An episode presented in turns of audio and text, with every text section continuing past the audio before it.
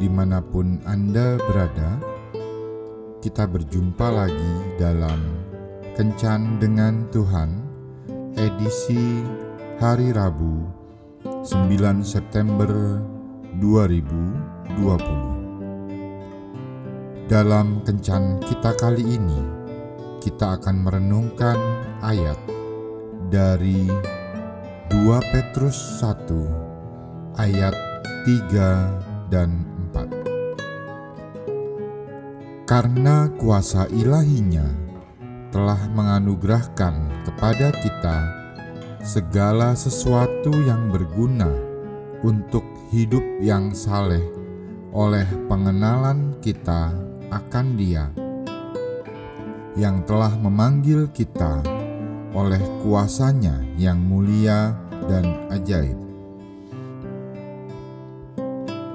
Dengan jalan itu, ia telah menganugerahkan kepada kita janji-janji yang berharga dan yang sangat besar, supaya olehnya kamu beroleh bagian dalam kodrat ilahi dan luput dari hawa nafsu duniawi yang membinasakan dunia.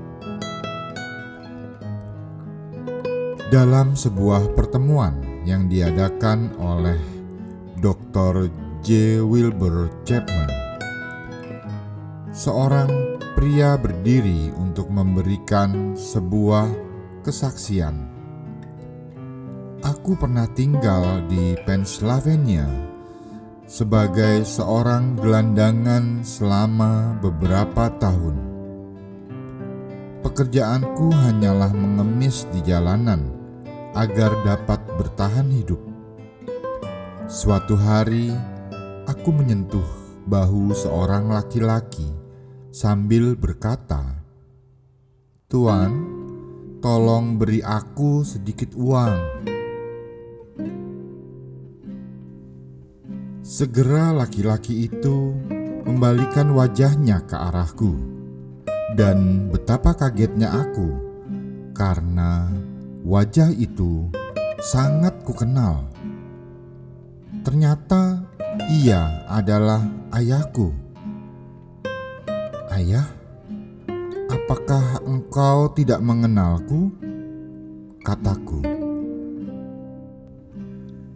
Segera kedua tangannya memelukku dan sambil menangis ia berkata, "Aku sudah menemukanmu dan kau perlu tahu bahwa semua yang aku miliki adalah milikmu. Seperti inilah Bapa di surga mencari anak-anaknya yang terhilang. Ia mencari dengan penuh kerinduan, bukan agar sekedar kita kembali kepadanya, melainkan Ia mencari kita agar kita kembali kepadanya dan menerima kekayaan yang disediakannya melalui Kristus Yesus. Kita dijadikan objek kasih oleh Allah, di mana Ia ingin mencurahkan semua yang baik kepada kita. Allah tidak pernah menyayangkan sesuatu bagi kita anak-anaknya. Roma 8 ayat 32 berkata, Ia yang tidak menyayangkan anaknya sendiri, tetapi yang menyerahkannya bagi kita semua. Bagaimanakah mungkin ia tidak mengaruniakan segala sesuatu kepada kita bersama-sama dengan Dia?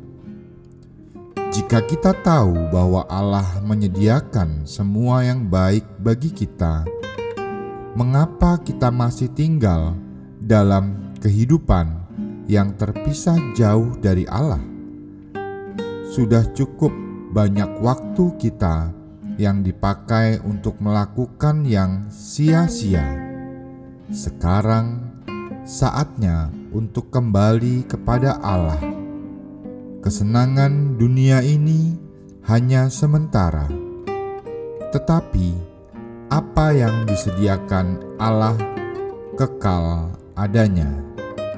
Tuhan Yesus memberkati. Marilah berdoa.